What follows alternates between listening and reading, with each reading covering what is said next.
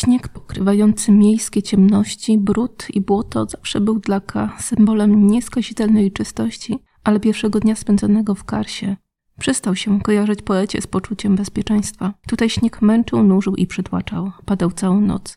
Nie przestawał, gdy rankiem K spacerował po ulicach, ani gdy siedział w wypełnionych bezrobotnymi kurdami Cayenne. Sypał się z nieba, gdy K niczym zapalony dziennikarz uzbrojony w długopis i kartkę rozmawiał z wyborcami i gdy wspinał się po oblodzonych ścieżkach ubogich dzielnic. Padał też, gdy K spotykał się z byłym burmistrzem, wicewojewodą i krewnymi samobójczyń. Widok ośnieżonych ulic nie prowokował już jednak wspomnień z dzieciństwa podobnych tym, gdy K, stojąc w oknie rodzinnego domu, Wyniszantas patrzył na świat w ten sposób, jakby po drugiej stronie szyby rozciągała się baśniowa rzeczywistość.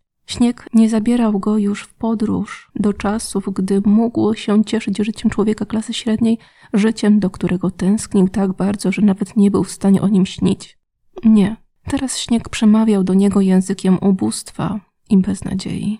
Nad rankiem, gdy miasto zaczęło się budzić ze snu, K, nie zważając na padający śnieg, ruszył aleją Ataturka w dół ku dzielnicą Godzekondu w najbiedniejszej części miasta, dzielnicy Galeiti. Maszerował szybko pod ośnieżonymi gałęziami oliwników i platanów. Patrzył na zniszczone rosyjskie budynki z rurami piecyków sterczącymi z okien, na śnieg padający do środka zrujnowanej tysiącletniej ormiańskiej świątyni, wciśniętej między magazyny drewna i transformator. Widział bezpańskie psy ujadające na każdego przechodnia z pięćsetletniego kamiennego mostu nad zamarzniętą rzeką i stróżki dymu, unoszący się nad małymi Gecekondu, Kalejci, która pod śniegiem wyglądała na zupełnie opustoszałą.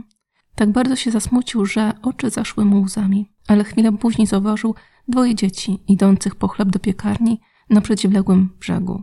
Dokazywały z taką radością, że mimo wszystko Kasie uśmiechnął. To nie bieda, ani powszechne zwątpienie najbardziej nim wstrząsnęły.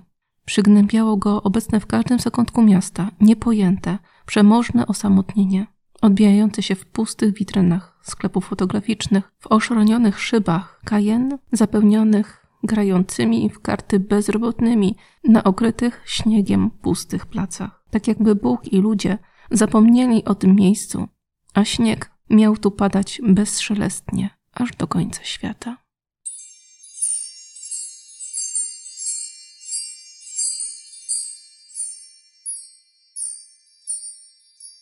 Była to powieść Orhana Pamuka, Śnieg.